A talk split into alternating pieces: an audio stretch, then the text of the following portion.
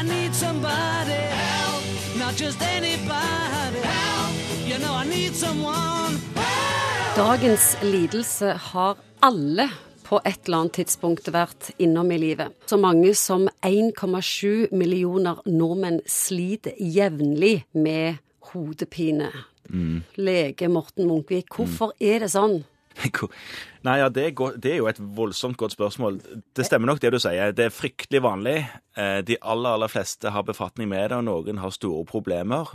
Stort sett så er det aldri bakenforliggende farlig sykdom. Det, det er fortsatt vondt i hodet, men det er ikke farlig, da. Men det er nærliggende å tenke at det er et elendig skaperverk. Ja, ja, ikke sant? Ja, jeg, kan, jeg, jeg er med på det. Det er dumt at eh, hodet skal være så eh, utsatt for, eh, for å få vondt. Som jeg alltid pleier å gjøre, så gikk jeg inn på nettet og så sjekket litt. Ja, Nakkehodepine, Ja. orgasmehodepine, ja, den som dunker i takt med pulsen, eh, hodepinen som kommer snikende når vi har det hektisk, når vi har sovet for mye, ja. tømmermenn, ja.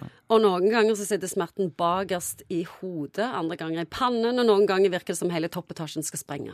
Ja, der har du jo mye. Den vanligste er jo den spenningshodepinen. Den som kommer fra at du kanskje har et litt hektisk, stressende liv. Du knytter deg litt i skuldrene og i nakken, og så presser det på nerver som går opp i hodet, og så kjennes det ut som hodepine. Den vanligste medisinen er å prøve å roe den av og slappe av. og Trene. Trene og tenke på andre ting. Svømme, få litt massasje kanskje.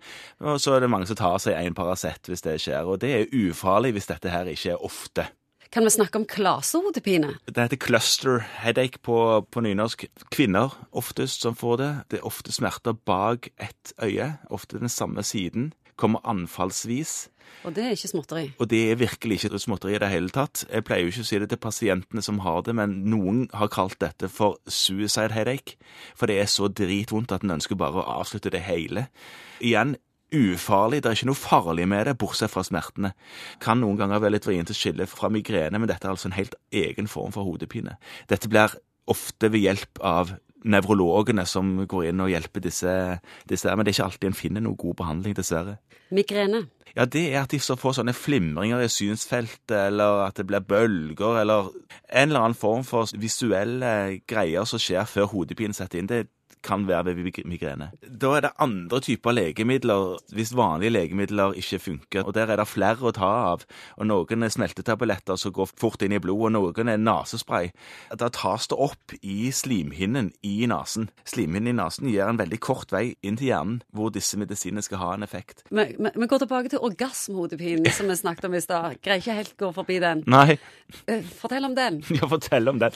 Nei, altså, ordet forteller vel hvor tid det kommer. Ved orgasmen så er det noen som får eh, hodepine rett etterpå. Det er jo klart at det blir jo Hva er det som skjer? Ja, hva skjer? Jeg har ikke peiling, og det tror jeg ingen egentlig vet. Leger virker ikke så interessert i hodepine. Det er like kjedelig som forkjølelse. Alle har det, det kommer, det, bare er sånn. Og så er det ikke så mye å gjøre. Ja. Eh, en tar det symptomet på alvor hvis det er noe som plager pasienten. Det er sånn sett kjedelig, for det er ikke så eksotisk symptom. Men en gjør jo en god jobb selv om det er vanlig. Du, når er hodepine farlig? Hodepine er farlig dersom man, eh, du får en ny hodepine som du ikke har vært borti før. De fleste har jo hatt en hodepine, så de vet at dette er min hodepine. så nå har jeg vondt i hodet, det går over. Men hvis du får en helt ny hodepine, eller en hodepine som vedvarer tross at du har tatt medisin som vanligvis hjelper, og kanskje at det er en intens hodepine, så, så er det en hodepine du iallfall kan oppsøke lege for å få sjekket ut om det kan være noe som ligger bak.